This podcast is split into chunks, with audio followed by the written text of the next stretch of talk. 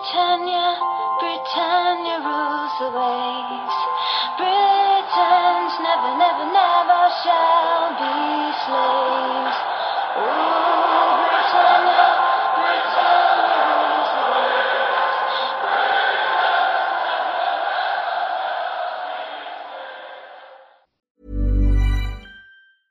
Hiring for your small business? If you're not looking for professionals on LinkedIn, you're looking in the wrong place. That's like looking for your car keys in a fish tank. LinkedIn helps you hire professionals you can't find anywhere else, even those who aren't actively searching for a new job but might be open to the perfect role. In a given month, over 70% of LinkedIn users don't even visit other leading job sites. So start looking in the right place. With LinkedIn, you can hire professionals like a professional. Post your free job on linkedin.com slash people today.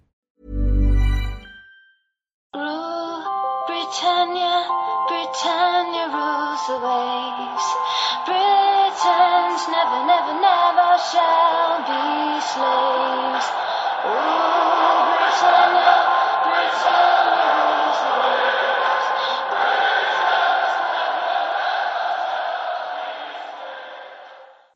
Hej och välkommen till avsnitt 72 utav Svenska FPL-podden. När vi spelar in nu idag, tisdagen den 28 januari, så är fortfarande inte Game Week 24 färdigspelad. Vi väntar på Liverpools eh, dubbelmatch som eh, kommer här mot West Ham i veckan. Men eh, vi ska ändå blicka framåt inför Game Week 25 som kommer här till helgen. Och eh, idag kommer vi göra en laggenomgång där vi går igenom samtliga lag trots att Liverpool och West Ham då inte har spelat än. Eh, de har ju spelat en match båda lagen, eh, så det går vi såklart igenom. Vi eh, kommer inte kika in i poddligan som vi normalt gör då Gameweeken inte är färdigspelad helt enkelt och det fortfarande kan ske förändringar. Däremot kommer vi kika in kort i poddlaget och se hur det går där. Vi kommer även uppdatera våra rekommendationer och avsluta med lyssna frågor som vanligt. Och eh, stort tack till Unisport Store, Dynamo Sports och Glenn Sports Bar som eh, ser till att vi har så fina priser i poddligan. Och eh, innan vi hoppar in i matchgenomgången så tycker jag att det är många som behöver en liten, liten boost efter en jobbig Game Week 24 här. Framförallt de som satte en triple captain på Sadio Mané som vi gjorde i poddlaget. Och man kanske känner att man tappar en hel del men om man börjar kolla lite på siffrorna så eh, lyckas jag hitta att om man ligger rankad runt eh, en miljon i overall rank så eh, är det bara 37 poäng upp till topp 500 000. Och det är ju extremt lite skulle jag säga. Så man kan avancera väldigt fort. Eh, om man ligger på 500 000 plats idag så är det bara 59 poäng upp till plats 100 000. Och om man eh, som, som mig ligger runt 100 000 så är det bara 55 poäng ner till topp 10 000. Så att eh, jag hoppas att eh, med detta att folk eh, ser att eh, det krävs inte så mycket, eh, mycket för att avancera ordentligt. Det är egentligen några bra kaptensval som, som faller in och några av eh, de övriga chipsen som, eh, som fungerar. Då, då klättrar man ganska snabbt. Eh, Stefan, matchgenomgången, om vi hoppar in i den, eh, vill du börja där? Ja, men det kan jag med Wolverhampton-Liverpool, eh, där Liverpool återigen går segrande eh, med 2-1.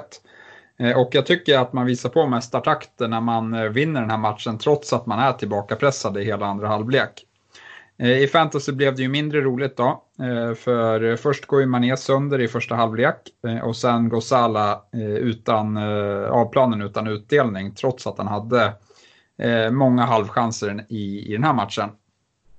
De som kommer undan med godkänt ur fantasy Perspektiv är ju Trent Alexander-Arnold som får en assist och framförallt Firmino som gör det avgörande målet. Eh, men den stora frågan är ju hur man gör nu med Mané, eh, då man gärna vill ha tre Liverpool-spelare över deras eh, fina spelschema. Och vi fick ju besked idag att av Klopp inför deras match imorgon att Mané är borta. Han kommer även missa matchen mot Southampton men sen ska han vara redo för spel igen enligt Klopp. Det kanske är lite tidigt för Klopp att 100% garantera det men det verkar ju inte vara en speciellt allvarlig skada då han Eh, ja, dels så såg det inte så allvarligt ut eh, när han skadade sig och det kändes mer som en försiktighetsåtgärd. Så att, eh, jag tror att den prognosen stämmer rätt väl. Eh, sen kan ju alla spelare som är skadade få bakslag såklart. Eh, har man gått i alla fall på eh, Salah, Eh, Mané och Trent, eh, den trippen eh, här i dubbel game week så tycker jag ändå att man ska ha is i magen och bänka man i den här veckan och sen hoppas att han är tillbaka till Game Week 26 igen. Då, ja men jag tycker att det är bara liksom onödigt att hålla på och byta runt för mycket och, och få in några andra spelare. Är, man vill ju ha tre Liverpool-spelare som sagt. Eh, Wolverhampton då? Eh, ja, jag tycker att man känns mer och mer som en utmanare om eh, Champions League-platserna på sättet man spelar i de här toppmatcherna. Eh, man har otur som inte får med sig mer i den här matchen och det är ju spelet mot de sämre lagen som framförallt måste bli bättre för att Wolves riktigt ska vara med uppe i toppen. Eh, Jiménez och Traoré, ja de börjar utveckla ett riktigt fint samarbete och just Traoré är ju lite av matchens gigant när han gör lite som han vill mot Robertson Eh, ute på högerflanken. Eh, någon ska ju dock avsluta hans, eh, det som Traoré skapar och eh, i vanlig ordning så är det ju Jiménez eh, som även är en magisk bonusspelare med sitt allround-spel. Jag tror mycket på de här två kommande omgångar trots att de har lite svårare matcher på pappret. Yes, kan jag skjuta in det där gällande Mané också och hans sannolikhet att medverka i Game Week 26 den borde ju vara ganska stor. Game Week 26 är ju en utdragen Game Week som egentligen spelas över två veckor och Liverpool spelar i den senare delen. Så Liverpool möter ju Norwich i Game Week 26 först den 15 februari. Så att eh, jag har väldigt svårt eh, att se att man inte skulle vara redo tills dess om det inte kommer eh, något, något bakslag som sagt. Eh, så att eh, ja, jag stämmer in i, i dina, eh, dina ord där. Jag går vidare med Sheffield United Manchester City. En match som City vinner med 1-0. Och vi fick se den långtidsskadade Laporte åter i startelvan. Och eh, jag tror att prio från Pep här framåt lär vara att få han i full fysisk form nu inför Champions League-matcherna. Så han kommer nog matchas in eh, lite försiktigt, kanske inte 90 minuter hela tiden, men han kommer få speltid här, tror jag, i ligan. Eh, Agüero, ja, han kan inte sluta göra mål trots att han i denna match inleder på bänken. Eh, självklart kommer även assisten från Kevin De Bruyne. Eh, Agüero bör definitivt ha stärkt sina aktier mot Jesus som eh, hade en jobbig kväll som toppades av eh, återigen med en missad straff från Jesus. Jag förstår faktiskt inte varför Jesus får fortsatt förtroende där. Eh, Sterling, han fortsätter ha svårt att ta poäng men det positiva för honom är ändå att han var väldigt aktiv i den här matchen med bra bakomliggande stats och kanske, kanske är det bara en tidsfråga innan poängen börjar flöda igen. Efter matchen tog eh, Pep till orda och eh, hintade om att Ederson faktiskt är den bästa straffskytt som City har. Eh, om det här bara är ren Pep bullshit eller om Pep verkligen överväger att ge Ederson förtroendet framöver återstår att se. Jag tror ju ändå att Agüero kommer slå straffarna när han är på plan. Trolig blank game week i game week 28 för City. Och Eh, det vet vi egentligen först imorgon onsdag kväll. Eh, men eh, det är ju ligacupen och i första mötet så vann ju City borta mot United med 3-1. Och ja, jag kan inte riktigt se City tappa det. Och som sagt, går de vidare så kommer finalen i ligacupen göra att matchen Game Week 28 som är mot Arsenal kommer bli blank för City Arsenal då och flyttas eh, till någon omgång längre fram.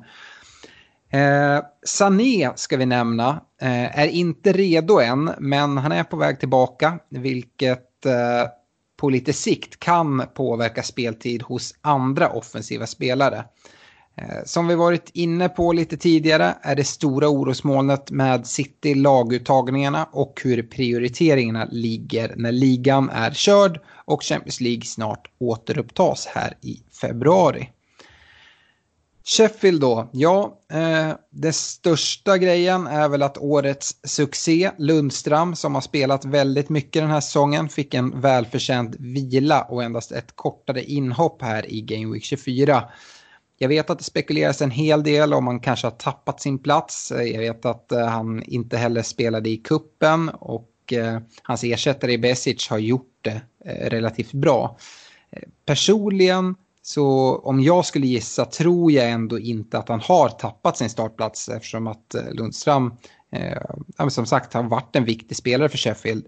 Men man bör helt klart bevaka situationen och skulle det vara så att man eh, drar ett wildcard nu Eh, så tycker jag det kan finnas case till att byta eh, Sheffield-försvarare. Det finns flera andra intressanta defensiva alternativ.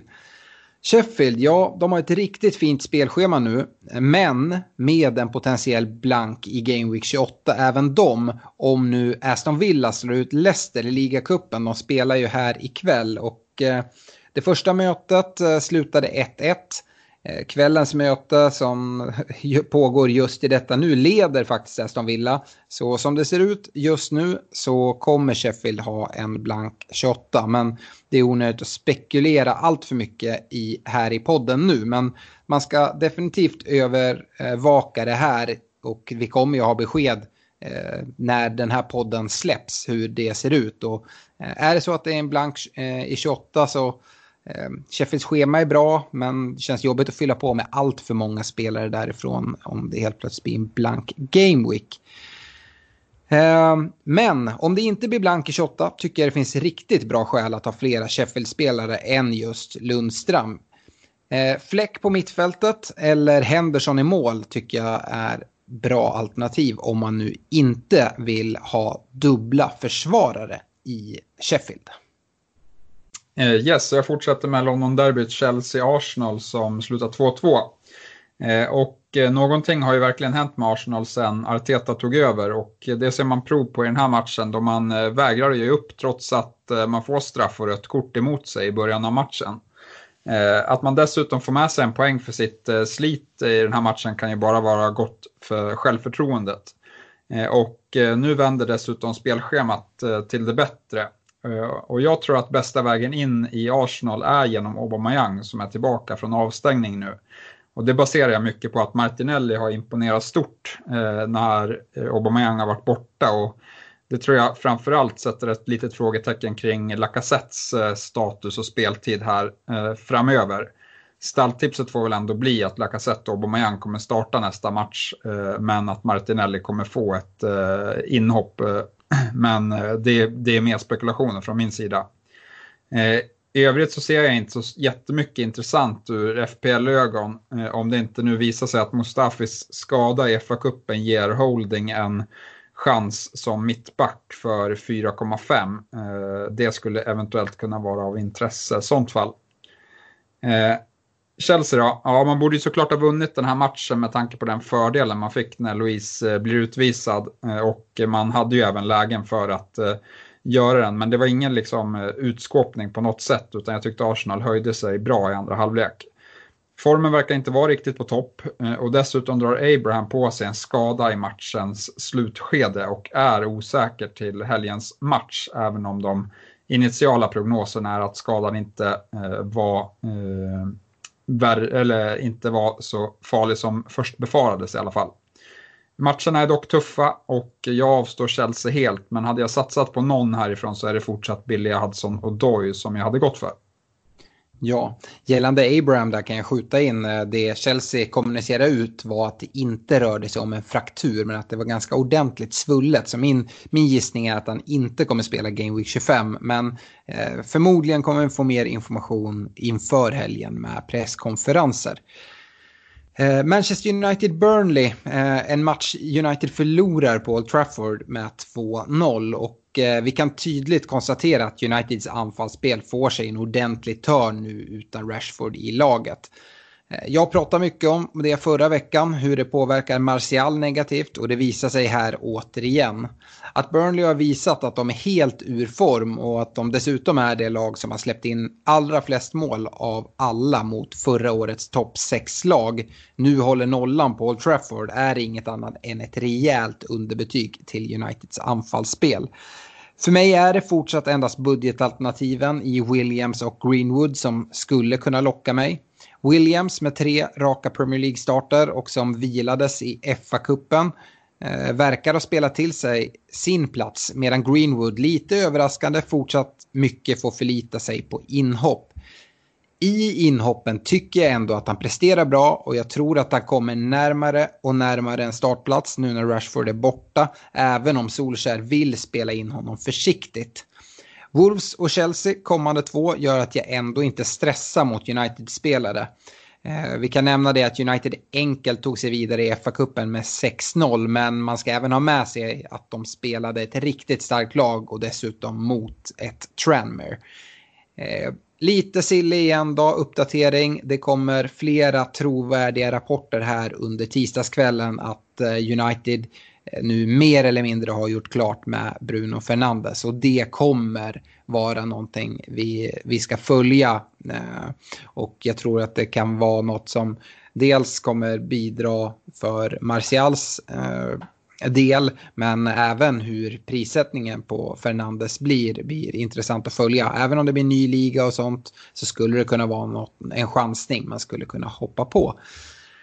Burnley, ja, eh, Pope, Stefan, eh, han har tagit rätt okej okay med poäng sedan eh, du sålde honom. Och det här är hans andra, eh, andra raka tvåsiffriga Gameweek. En annan Burnley-spelare som tog tvåsiffrigt med fantasypoäng på Old Trafford var Wood på topp som stod för 1 plus 1. Poängen fortsätter trilla in på kontot för honom och i dessa tider med massa anfallsskador så kanske vissa väljer att blicka hit då han är ett eh, relativt prisvärt alternativ.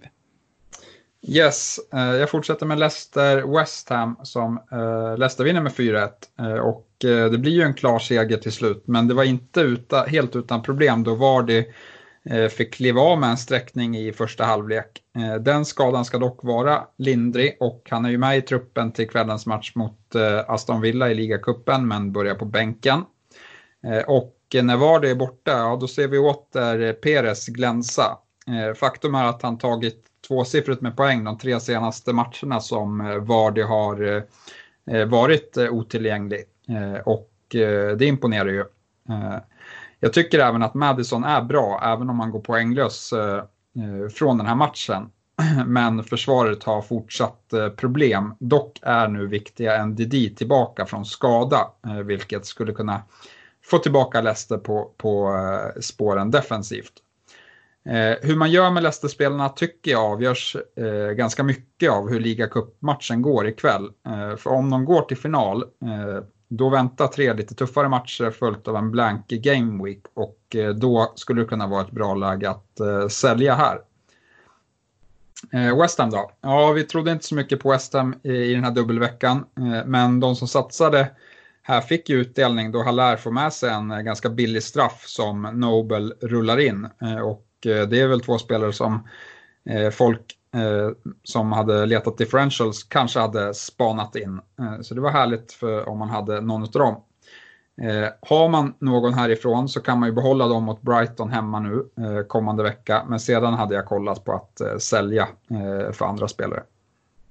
Yes, eh, jag tänker om vi stannar upp lite på Vardy där Stefan. Eh, jag vet det är väldigt många som tog, gjorde tidiga byten och bytte ut honom när skadeuppdateringen eller när man såg att han klev av skadad.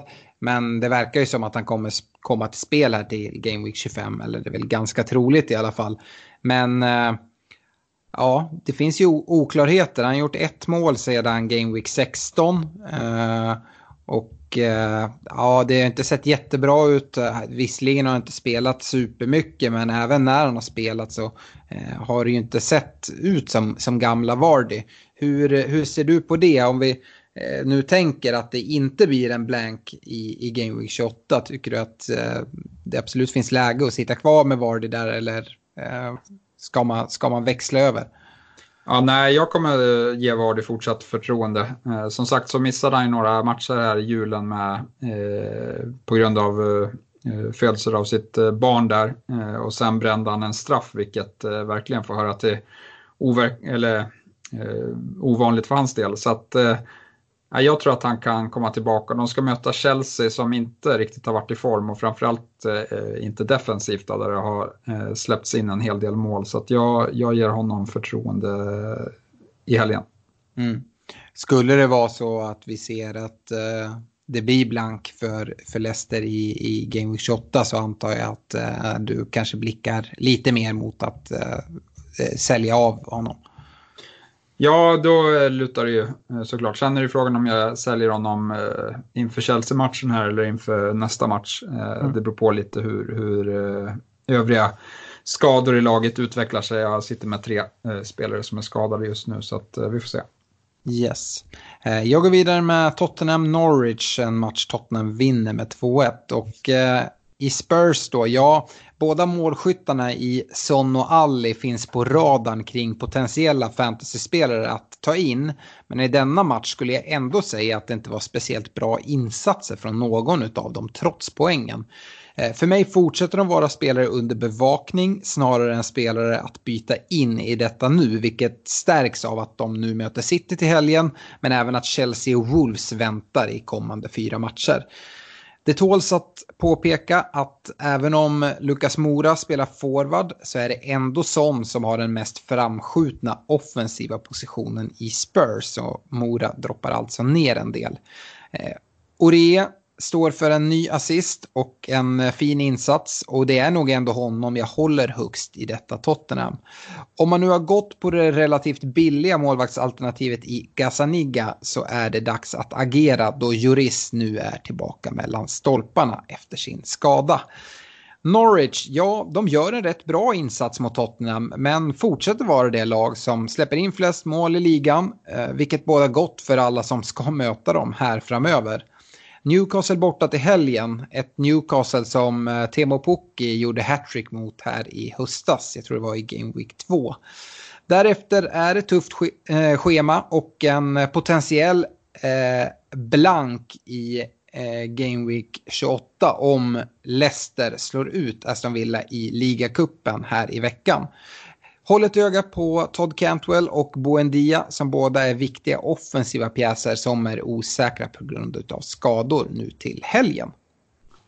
Yes, uh, Crystal Palace Southampton uh, eh, som Southampton plockar hem med 2-0 och uh, man imponerar ju fortsatt när man uh, vilar Ings och ändå så går man och vinner bekvämt på bortaplan. Efter matchen mot Liverpool så blir spelschemat dessutom mumma. Så har man inte Ings så bör man fundera igen. Eh, det ska ju även nämnas att han har ju förflutet från Liverpool och kanske är lite extra taggad på att visa upp sig i just eh, den matchen. Så jag kommer nog ändå spela honom trots att det är mot eh, Liverpool här. Det skulle även kunna vara värt med en investering i backlinjen i McCarthy i kassen eller Stevens som mittback. Men där får man nog ha lite mer rimliga förväntningar på Southampton. Crystal Palace då? Ja, Palace har också bra matcher Eh, nu, men känns inte lika intressanta då formen verkar vara eh, lite på nedåtgående. Eh, tossen på topp eh, är en differential, eh, annars eh, så vill jag varna lite för Kelly som fortsatt behåller sin startplats, eh, men i den här matchen så blir han tidigt utbytt mot eh, Joel Ward som är tillbaka och skulle eventuellt kunna vara så att han tappar sin plats här inom kort. Vi får se hur det utvecklar sig helt enkelt. Yes. Eh, Everton-Newcastle, ja, hur denna match slutar 2-2, ja det frågar sig nog många Everton-supportrar for, sig fortfarande. Det stod alltså 2-0 när tre av de fyra tilläggsminuterna var spelade. Everton stod för en bra insats och eh, i Richarlisons skadefrånvaro visade Moise Keane och Calvert Lewin ett fint samspel i offensiven. Calvert Lewin har vi talat om i några gameweeks nu och det finns absolut underliggande statistik som backar upp allt snack. I eh, denna match är det återigen han som har flest skott på mål, flest skott inne i boxen och flest skapade lägen. Faktum är att ingen fantasyspelare har haft fler avslut på mål än honom sedan Ancelotti tog över som manager. När vi ändå är inne på statistik så stod eh, Lukas Dign återigen för en assist och över de sex senaste matcherna är det ingen försvarare som har skapat fler lägen än han. Eh, som jag talade om förra veckan så vänder dock snart Evertons fina spelschema rejält. Men eh, Calvert Lewin tycker jag att man eh, mycket troligt kan visa sig vara värd att hålla i ett tag till ändå. Newcastle, ja, Eh, Lyons två mål på tilläggstid var faktiskt Newcastles enda två skott på mål under hela matchen. Spelschemat, spelschemat ser smaskigt ut för en ganska lång tid framåt eh, för Newcastle. Men det är samtidigt svårt att hitta spelare som man vill satsa på. Eller jag har i alla fall svårt att göra det. Newcastle är ett av ligans sämsta lag för attempts, skapade lägen och gjorda mål. Och defensivt är det endast Aston Villa som släppt till fler skott. Eh, med det sagt så tycker jag att man kan kika lite och se. Jag vet dock inte riktigt vilken spelare det är jag tror som allra mest på. Eh, Dubravka i kassen gör det bra eh, och har gjort hela säsongen. Men i övrigt tycker jag att det är svårt. Yes, eh, jag fortsätter med Bournemouth-Brighton då, eh, som Bournemouth plockar hem med 3-1 och eh, man tar ju en oerhört viktig seger. Eh, men matchen hade kunnat sluta annorlunda sett till eh, chanserna som skapades. Eh, jag tycker inte att det finns något intresse i Bournemouth då segern var turlig samt att spelschemat inte är det bästa. Så jag tycker att de har mer att bevisa. Eh, I Brighton då tycker jag att det finns lite mer intresse. Eh, där Dunk fortsätter att ta sig till bra lägen offensivt. Eh, men allra mest intressant kanske är Mopay som verkligen hade otur som inte fick med sig något från den här matchen. Sen har rutinerade Moy gjort det bra på slutet. Och så gillar jag även Trossard som fick nöja sig med en att agera inhoppare här då Potter roterade laget lite. Jag tror att det berodde mest på det tajta spelschemat där de hade tre dagar mellan sina matcher och eh, ser Trossard fortsatt som eh, intressant framgent här. Ett problem med Brighton som jag har varit inne på hela tiden tycker jag är Potters roterande. Jag litar aldrig på att eh, spelare som Moy, Trossard startar vecka efter vecka. Och det är ett problem. Jag tycker att eh, hans uttagningar är lika svåra att eh, förutspå som, som Peps faktiskt. Um, så ja, jag tycker det är svårt ändå. Uh, gällande Mopay där på topp så eh, han kommer ju till extremt mycket lägen men har haft en dålig conversion rate egentligen hela säsongen. Så att det kanske inte är, bara är tillfälligheter. Nej, absolut inte. Men här, här han avslutat ribban och lite grejer. Han har lite otur i den här matchen. Men eh, som sagt, han är nog inte heller den mest kliniska avslutaren av eh, Premier League-anfallarna. Nej. Eh, jag ska avsluta här med Aston Villa-Watford. Eh, en eh, viktig 2-1-vinst för, för Villa. Men eh, om vi börjar med Watford så tog deras svit på sex raka utan förlust lite oväntat slut mot eh, just bottenkollegan Villa. Eh, det vi följer med spänning är hur detta påverkar Watford vidare då de har lite blandat spelschema kommande sex gameweeks.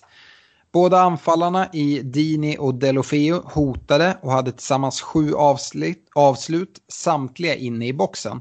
Faktum är att sedan Pearson tog över Watford är det ingen annan forward i fantasy som har en högre expected goal, goal involvement än honom.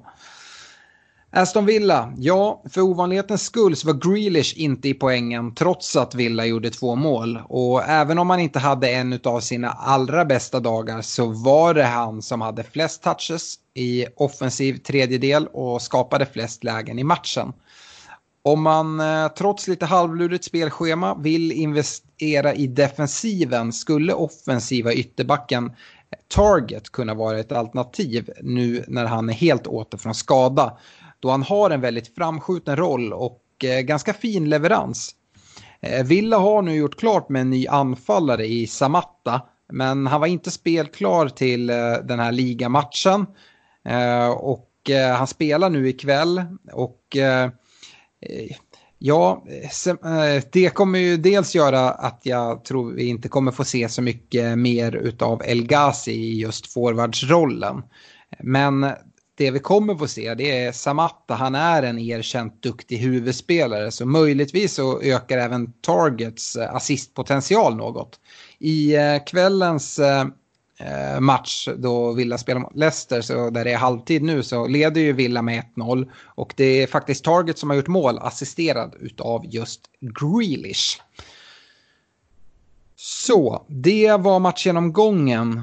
Och eh, kikar vi lite snabbt bara på poddlaget, nu är det mitt i en game week, men eh, 42 poäng står vi på, vilket vi inte är helt nöjda med. Eh, vi spelade ju triple captain, Eh, det var på Mané och det kan man väl säga att eh, det gick åt helvete. Men eh, vi har Robertson och Trent kvar som kan chippa in lite mer poäng till poddlaget. Och ja, Stefan, det är svårt här med, med byten inför Game Week 25. Eller vad, vad säger du? Ja, det är det ju eftersom, eh, ja vi kommer ju komma till en kaptensdiskussion, men Sala känns ju rätt eh, högt på den listan i alla fall. Eh, så att, eh, att sitta med en skadad Mané eh, och inte ha någon Sala att tillgå är ju problematiskt. Det är extremt surt med liksom, att bränna triple captain-chippet. Vi har avancerat lite trott ändå, men det kommer nog inte sluta så om Liverpool gör sitt jobb imorgon. Eh, så att, äh, vi får väl vänta här in eh, lite presskonferenser och så eh, och se hur vi gör. Men ett potentiellt byte är ju att ta in Salah istället för Mané. Mm. Det som är lite surt för poddlaget är att det fattas 0,1 att göra Mané till Salah för oss. Så att det kommer krävas minus 4 om vi vill göra det bytet. Ja, eh, vi får se vad, vad vi landar där och det beror väl lite på vad som händer här i, i, ikväll och hur, det, hur blanksen faller ut. Om vi går vidare till rekommendationerna då så har i alla fall jag gjort en del förändringar bland mina. Och eh, om vi börjar i försvaret så har jag eh, från förra veckan Luka Dign, Trent och Robertson. Och eh, du Stefan har Trent, eh, Dunk och Digné. Eh, jag väljer i alla fall att skifta ut Digné med tanke på ett eh, vändande spelschema. Och eh, den här reken blir kanske lite märklig och lite svår beroende på utfall. Men eh, jag, jag väljer ändå att ta in Stevens från Sheffield United. Och det grundar sig i att Eh, jag utgår från att eh, Sheffield eh, inte har en blank i, i Game Week 28.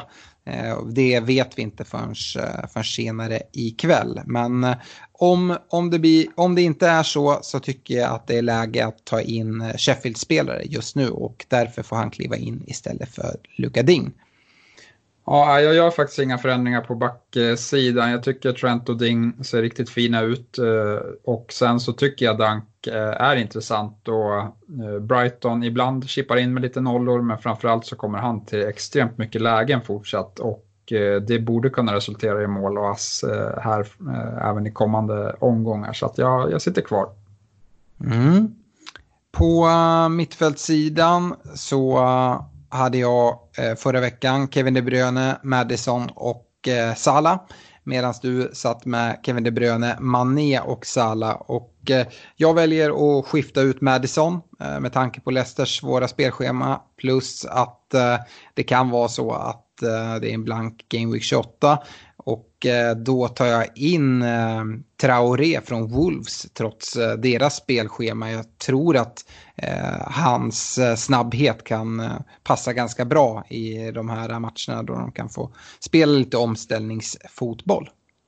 Yes, och jag sitter väl egentligen nöjd. Jag har ju dyra spelare här, så att, men det man ska säga om Mané så tycker jag att som det finns läge att behålla honom och bänka honom om man har Salah.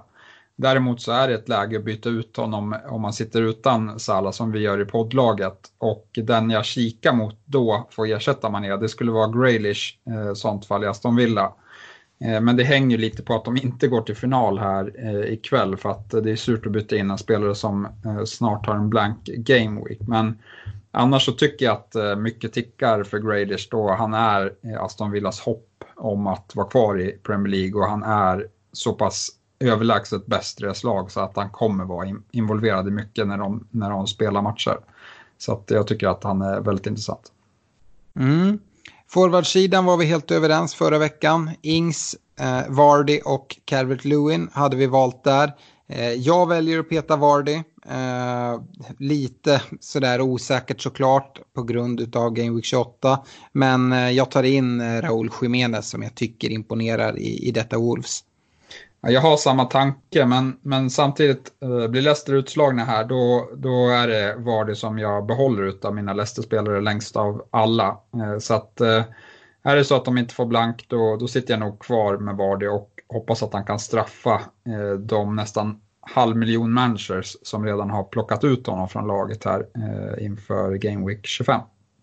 Ja, jag förstår helt vad du säger och det är väldigt svårt att göra de här rekarna utan att veta alla förutsättningar med, med, med blanka gameweeks och så. Eh, det fortsätter egentligen för mig under differential-sidan där jag vill plocka in Sheffield United-spelare. Ehm, förra veckan hade jag Calvert Lewin, eh, CDB och eh, Dukore. Calvert Lewin uh, gillar jag fortsatt eftersom jag har med honom som min forwardsrek. Däremot har han tickat över 10% i ägarandel och då får han inte ligga kvar som differential. Eh, CDB tar jag bort och eh, jag väljer faktiskt att ersätta båda dem med Sheffield-spelare i form av Fleck som ägs av 5%, mittfältaren och försvararen O'Connell som bara ägs av 2,6 procent. Eh, jag hade ju Stevens som rek på försvarssidan. Eh, han är lite dyrare, han, han är prisad 5,1 samtidigt som O'Connell är prisad 4,6. Så egentligen båda två faller in under differential-val. Men eh, jag väljer att ta den billigare av dem på, på differential-sidan. Stefan, du eh, hade Trossard, Ducoré och eh, Cenk Tosun. Yes, och eh, Ducoré får stryka på foten för Fläck. Eh, sen sitter väl Tosun kvar. Eh, även om jag tycker att Crystal Palace eh, ser lite sådär ut så är matcherna eh, fina så att han får chansen här. Men han hänger lite löst ändå. Jag tycker att eh, Palace borde eh, spela bättre om man ska ha honom. Eh, jag vill bara nämna att eh, det finns ju läge för till exempel en spelare som Son som ligger under 10 eh, men, men jag vet inte, de ska möta City nu har inte riktigt imponerat utan Kane. Eh, men jag tycker ju man ser, eh, liksom, när man kollar sån spelare, han har ju en hög eh, kapacitet. Han är ju blixtsnabb och eh, ja, han är verkligen en spelare som kan förändra eh, en säsong. Men jag tror att man kan vänta eh, lite till innan man plockar in honom. Mm. Och då kommer vi till den här kaptensdiskussionen inför Game Week 25 som vi redan har eh, talat lite om. Och eh, vi kanske ska börja där med Liverpool. Jag tycker att det är en Game Week där det är ganska svårt att hitta solklara jättebra alternativ. Och eh, kanske på grund av detta så är det Salah man, man vänder sig mot. De möter ju Southampton hemma på Anfield. Ja, nej, Salah har ju ett bra hemmafacit så att det, det är ju inget dumt val eh, skulle jag säga. Eh, så ja, jag tycker han, eh, han är väl liksom nummer ett kandidaten här. Eh, sen tycker jag väl att, nu har ju Firmino riktigt dålig hemmafacit men han, jag tycker att han ser bra ut. Eh, dock så hade jag inte valt honom före Salah. Nej, eh, det känns ju som att rotationsrisken på Salah borde vara ganska liten när de ändå kommer sakna Mané. Eh, det som eh, jag tycker känns lite jobbigt med att sätta binden på Salah det är ändå att Southampton och deras defensiv den har eh, imponerat och jag tycker Southampton eh, ser ganska bra ut. Jag förväntar mig inte att Liverpool kommer köra över dem på något sätt. Eh, samtidigt, gör de mål, ja då är det väl troligt att Salah på något sätt kan vara inblandad. Eh, och eh, anledningen till att jag tycker att Salah kanske är ett av de bästa alternativen är egentligen på grund av avsaknad av andra solklara alternativ. Snarare än att jag tror att Salah kommer komma iväg med någon form av monsterscore. Eh, om vi ändå kikar på andra eh, så en spelare som jag tycker alltid ska nämnas är väl Sergio Aguero. Eh, de möter Spurs bort borta, men eh, det skrämmer inte mig. Nej, det skrämmer inte mig heller. Och, eh, både Aguero och De Bruyne går ju att kaptena såklart, men De Bruynes roll vet vi inte riktigt. Han brukar kunna vara rätt djup ibland och rätt offensiv ibland. Så nej, jag föredrar nog också Aguero från, från den matchen om man har det lyxproblemet och kunna välja mellan de två. Mm. Och jag skulle nog säga att om jag skulle sitta med Agüero eh, så håller jag nog honom snäppet före Salah till och med. Eh, kollar vi vidare så ska Arsenal åka bort till Turf Moor och möta Burnley. Eh, Aubameyang har eh, haft kvar, klart sin avstängning, kommer utvilad till den här matchen. Eh, jag kan absolut eh, se att Auba kan vara ett vettigt eh, kaptensalternativ om man nu tar in honom. Jag kan väl inte tänka mig att man har suttit kvar med honom här under hans avstängning. Nej, det skulle kunna bära frukt och som jag var inne på så, så är ju matcherna eh, bra nu för Arsenal. Så att, eh, med, med, undantag för då när de ska möta City 28, men det kommer troligtvis bli en blank game week ändå. Eh, så att det skulle kunna ge frukt. Eh, lite oroväckande att Burnley har spelat bättre på slutet. Men som sagt, ska någon göra mål så, så ligger Oba eh, nära till hands i Arsenal. Och eh, han har ju definitivt potentialen att ta bonuspoäng då också. Ja, det svåra är man vet aldrig vad det är för Burnley som dyker upp. De har ju faktiskt vacklat en del även hemma på Turf Moor och sen i vissa matcher så har de stängt igen. Så det är svårt att veta men jag tycker inte Burnley har imponerat. Eh, om man tittar vidare och sådär, är, är man helt vild och galen om man eh, sätter en bindel på, på Jamie Vardy när de ska möta Chelsea hemma på King Power Stadium? Där får man ju känna vad, vad Rodgers säger i, på presskonferensen, men eh, i och med att han är på bänken idag och att han inte eh, drar på sig någon skada här idag så, eh, så tror jag att han kommer vara redo eh, till helgen helt 100 procent. Eh, så att eh, nej, det är inte helt dumt heller skulle jag säga. Nej, eh, det är ju Leicester och Chelsea som sparkar igång Game Week 25 eh, på lördag eh, vid lunch. Eh, deadline för Game Week 25 är vid 12.30 så se till att inte missa den. Stefan, är det några andra eh, alternativa kaptensval som, som du tycker är värda att nämna? Jag har en liten sån Eh, om man verkligen vill sticka ut. Det skulle kunna vara att, att göra en chansning på, på Graylish som eh, ska möta ett svagt Bournemouth. Ja, nej, det skulle absolut kunna ge, ge frukt. Jag tycker även att eh, Alltså jag är mäkta imponerad av Wolves match mot Liverpool och nu ska de åka och spela ändå en match som klingar högt och få möta liksom ett United så de kommer vara taggade till tusen där och jag ser in, absolut det inte som omöjligt att de rubbar United på Old Trafford. Är det då Jiménez du tycker eller är det Traoré som också kan blandas in i en sån diskussion?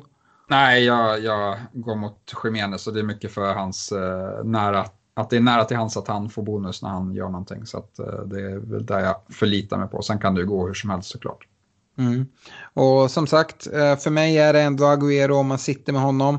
Men eh, jag tycker att den här veckan är ett sånt läge att om man har feeling på någon liten sån outsider så skulle man kunna välja den. Jag tror inte att man kommer bli superstraffad av någon av varken eh, Sala eller Agüero. Jag ser inte att det kommer eh, ramla in ett hattrick. Eh, sen så vet man såklart aldrig med, med sådana spelare men det är i alla fall en känsla jag har. Jag kan även se eh, samtliga de här spelarna som vi har pratat om nu blanka. Eh, om vi hoppar vidare då och avslutar med en del lyssnafrågor så eh, har vi fått en del. Eh, Sonny Forsberg skriver in, det här pratade jag lite om i eh, laggenomgången men det ska bli kul att höra vad du säger Stefan. Han undrar om det inte är dags för Newcastle-spelare nu snart. Nej, alltså nu får det fan räcka med flyten som, eh, som de har. Alltså. Det är helt sjukt hur de kan ta poäng av eh, Chelsea här och poäng av Everton. När de liksom inte har något avslut ens förrän på stopptid. Så att nej, jag är inte imponerad av Newcastle.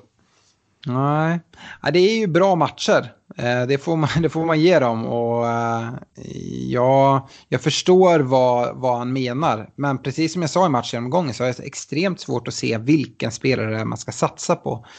Eh, skulle kunna vara eh, Fabian Schär. Eh, jag tycker att det är en, en försvarare som eh, ändå kan ta offensiva poäng och med det motstånd som är så skulle Newcastle även kunna komma undan med, med någon nolla och det är ett ganska eh, prisvärt alternativ. Men eh, som sagt, Newcastle är svåra men eh, jag tycker inte att det är helt galet att eh, göra någon chansning med någon Newcastle-spelare. Frågan är bara vem. Eh, Dan Sundell, han undrar när det publiceras datum på fantasy-sidan för kommande dubbel och blanka gameweeks.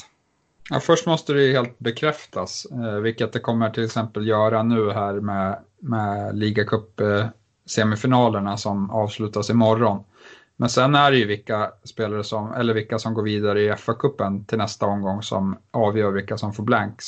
Eh, så att eh, det är inte avgjort än.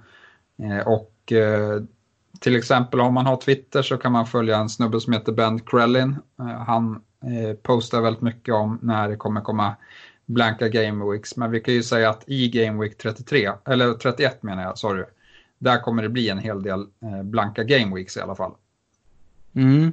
Ja, så att, eh, sen så gällande när de dubbla Game Weeksen kommer, det spekuleras det ju i och det det är väl ganska troligt att de spekulationerna som ändå förs kommer stämma. Men eh, den officiella fantasy-sidan, de eh, lägger ju inte in någonting förrän eh, matcherna är inplanerade och spikade. Så eh, jag tycker att det är vettigt att ändå försöka följa med lite i, eh, eh i spekulationerna kring när det kommer. Och Eh, jag, jag tycker att det är vettigt så att man planerar i alla fall ut efter det och ser att om det är väldigt stor eh, risk eller chans att det är något lag som får blanka game weeks och sånt att man kanske inte fyller på med allt för mycket spelare där ifrån. Uh, yes. Uh, Joakim Karl, han sitter på Tammy Abraham och funderar vem han ska ersätta honom med. Eh, han skriver att det lutar åt Ings eller Jiménez eller eh, om man eventuellt ska offra Son på, mitt, eh, på mitten och titta högre upp i prislistan. Eh, de övriga anfallarna sitter med i dagsläget är Mopay och Vardy. Ja, nej, jag tycker både Ings och Jiménez är bra shouts. Jag hade nog eh, valt Ings där på grund av deras extremt fina spelschema efter Liverpool-matchen. Men eh, Jiménez kommer också ta mycket poäng tror jag. Mm nej, jag, jag instämmer. Eh, Rickard Andersson, han har Henderson som målvakt i Sheffield och eh, han har gjort det strålande hittills konstaterar han. Eh, han har dock en icke spelande andra keeper i Stekelburg eh, och undrar om vi tycker att han ska fortsätta att satsa på Henderson hela vägen ut som eh, en målis. Eh, eller om eh, det är bra att ta in en målis till som man kan rulla på. Och undrar då vad vi tycker om Dubravka. Nej, nej, nej. Han ska ju köra Henderson såklart. Eh, Sheffield är ju det lag som har allra bäst spelschema här kommande sex eh, veckor. De ska möta riktiga skräplag så att eh, det är bara att hålla där. Det kan bli mycket utdelning. Mm. Jag ska flagga det dock för eh, honom om man inte har tänkt på det. Det kan ju som sagt mycket väl bli en blank i Game Week 28 då de möter eh, Aston Villa där. Som det ser ut just nu så är det en blank eh, om resultatet står sig mot Leicester. Dessutom i Game Week 31 så kommer han också behöva göra någonting för att då möter de United och eftersom att han är utlånad därifrån så är det en match han inte kommer få spela.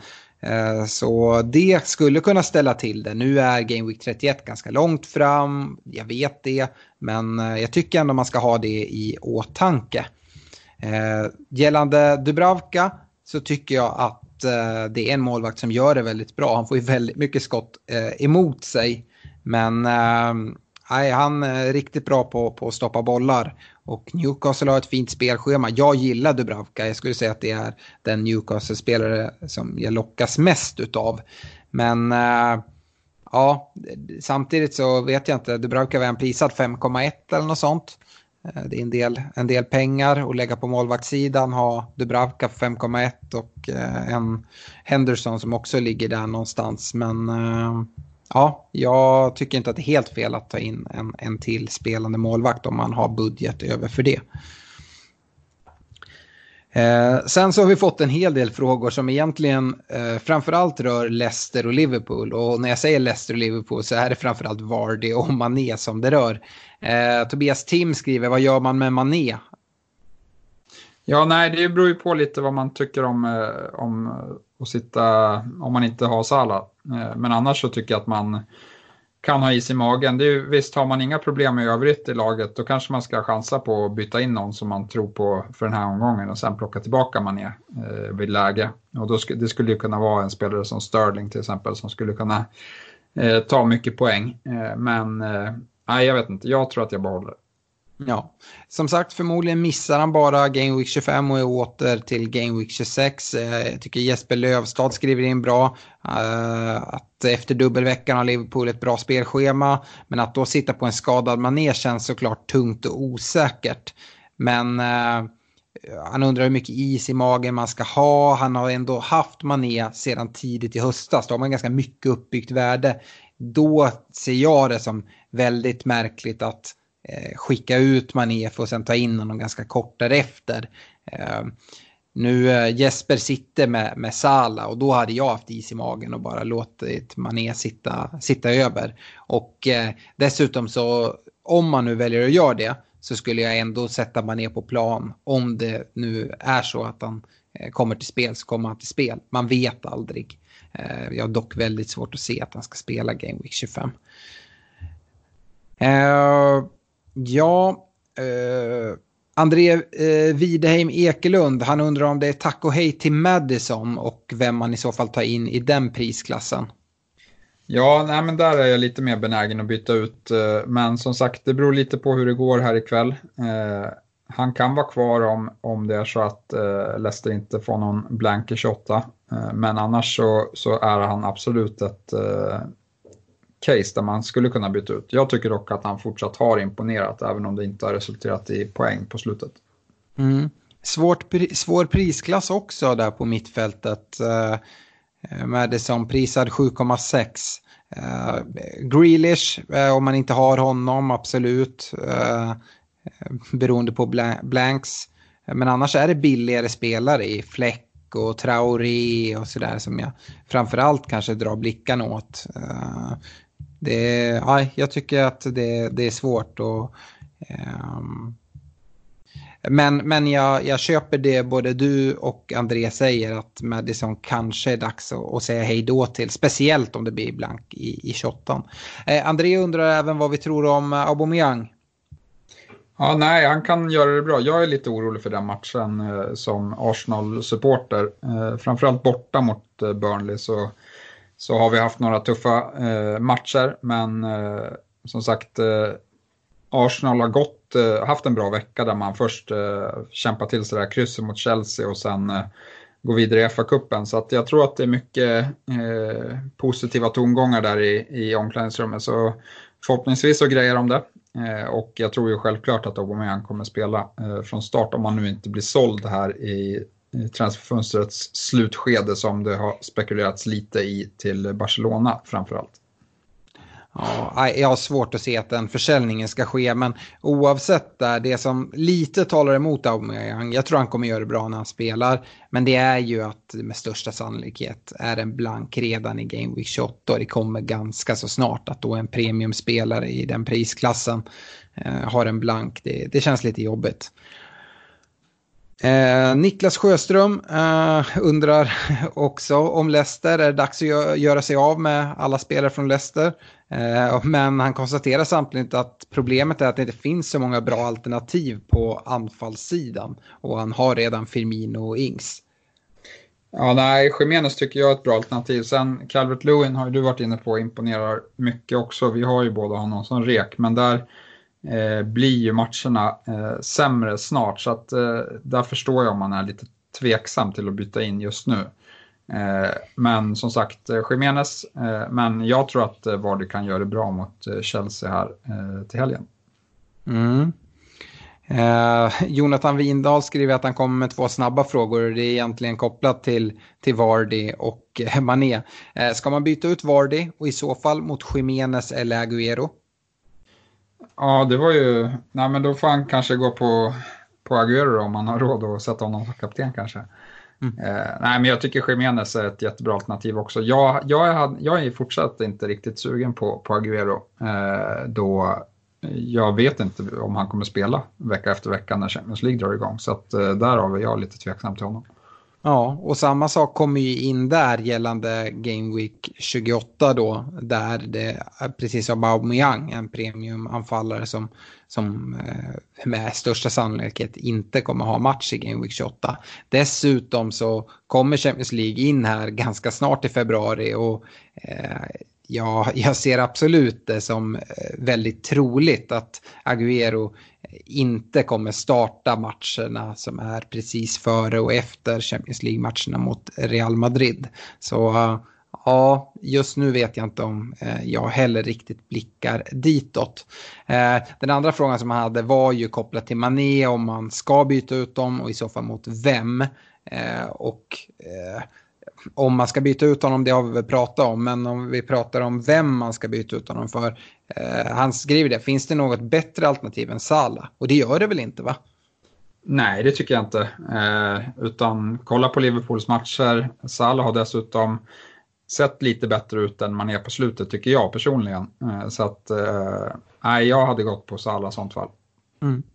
Jag, ty jag, tycker att det handlar mycket om hur man vill göra framåt. Om man nu har haft Mané sedan tidigt i höstas så uh, får man tänka, vill jag, vill jag ha Mané på lång sikt? Ja, men eh, i så fall så tycker jag att man ska ha is i magen. Men eh, om man ändå blickar lite mot Salah och tycker att Salah känns hetare som både du och jag är inne på så kanske det är det bästa läget att göra den switchen redan nu.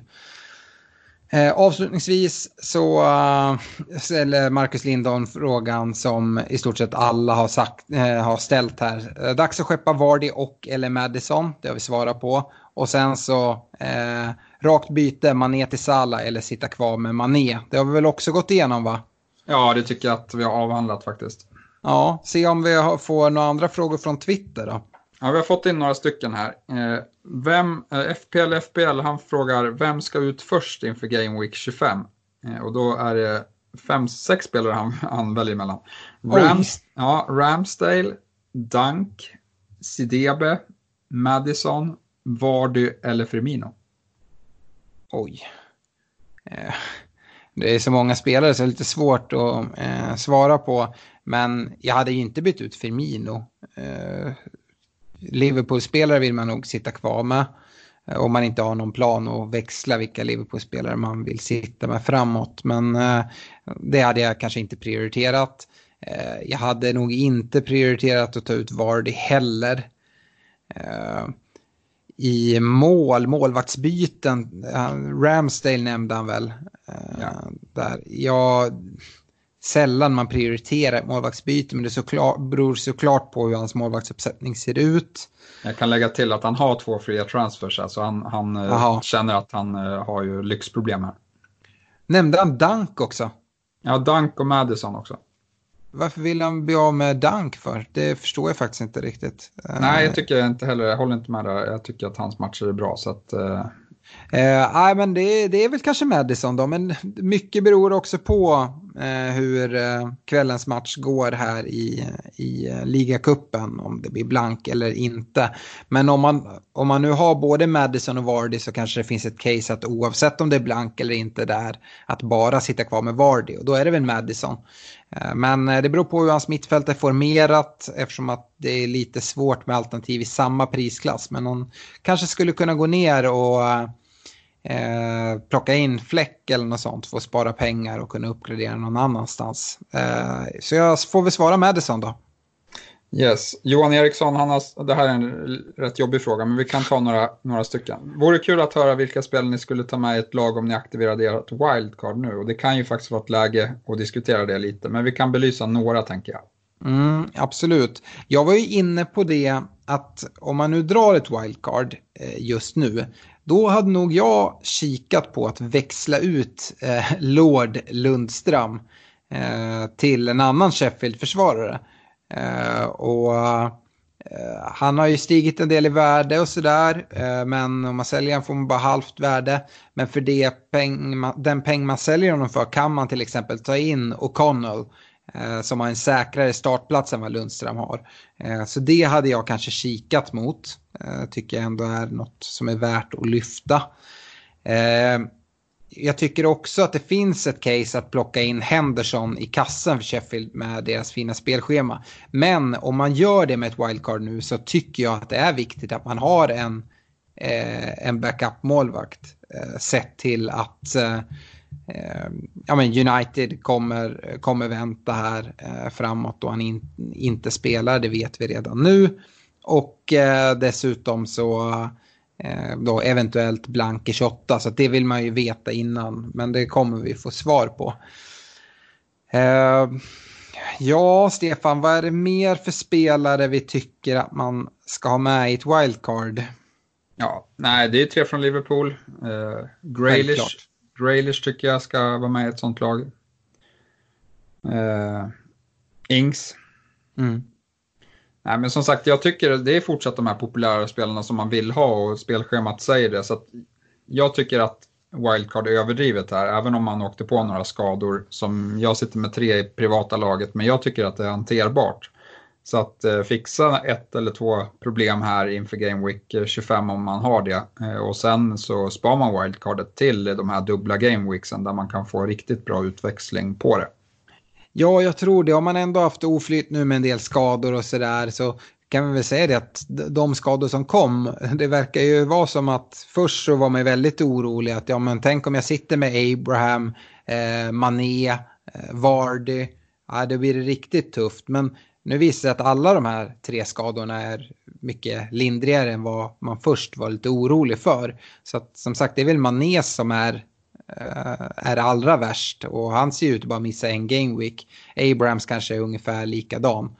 Eh, men äh, han spelar nu, han har kommit in i, i matchen. Det står nu dessutom 1-1 äh, med en live-uppdatering. Äh, Ianacho gjorde 1-1 här så att nu är det helt jämnt igen. Uh, men eh, eh, jag tycker det är jättesvårt. Jag... eh, jag tycker att man skulle kunna gå på en uh, City-spelare, men jag kanske hade tagit en lite billigare City-spelare på mittfältet än, än Kevin De Bruyne i alla fall. Eh, sett till att jag tror att det kommer roteras en hel del och att De Bruyne kommer fokuseras på Champions League-spel. Eh, och då, ja, kanske Eh, Chansar på en eh, David Silva prisad 7,4 sådär att han sitter bänk någon match. Det gör inte jättemycket eftersom han inte är lika dyr och, och sådär. Eh, så någon sån där där man sticker ut lite grann som ändå kan ta en del poäng tycker jag är vettigt. Yes, och Henrik Mattsson han skriver så här, han fick helt plötsligt flera bränder att släcka och har fingrat på wildcard men valt att avstå. Eh, står utan målis sedan Gazzaniga och Martin tappat sina platser. Eh, Mané, Cantwell och Vardy på skadelistan. Eh, har redan bytt ut Henderson för Gazzaniga och funderar på De Bruyne eh, inför Mané för minus 4. Råd skriver han. Mm. Jag tycker det är bra att han har gjort målvaktsbytet. Och för det var, var ju den viktigaste branden. Jag tycker även att han gör helt rätt och inte har dragit wildcard. Jag tycker som sagt, ser jag inte hela anslag, men eh, Mané, eh, jag tycker man kan ha is i magen där. Som sagt, med största chans är det bara en match som han missar. Eh, och Cantwell nämnde han. Han är väl inte heller bekräftat borta utan står som osäker. Så att, eh, det är ingen spelare som gör att man på något sätt måste aktivera ett wildcard. Um, så han, ja, jag vet inte, jag hade nog inte tagit, in, eh, tagit minus för att ta ut Mané. Jag hade nog suttit lugn i båten. Jag vet inte om, om du tycker annorlunda, Stefan. Nej, det, vet, vi vet ju inte om Anna Sala, men det, det hade ju varit ett mer logiskt byte skulle jag säga. Eh, mm. sånt fall. Eh, sen tycker jag väl att Cantwell svårt spelschema och så han kan, man, han kan han ha kvar till den här omgången och förhoppningsvis spelar han. Men sen kan man kika mot Fläck i, i Sheffield United i den prisklassen skulle jag säga. Mm.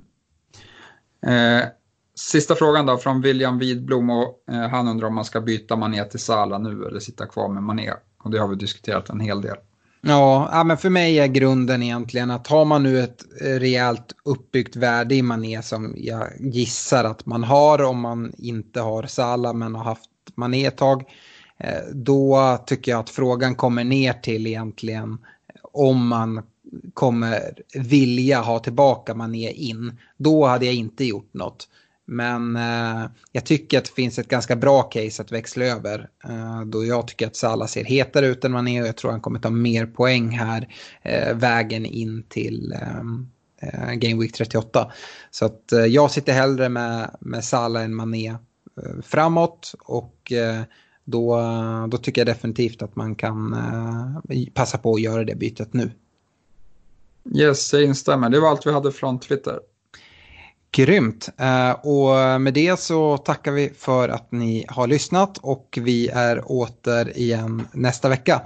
Eh, lycka till allihopa och eh, ha det bra. Hej då! Stort, stort lycka till. Hej hej!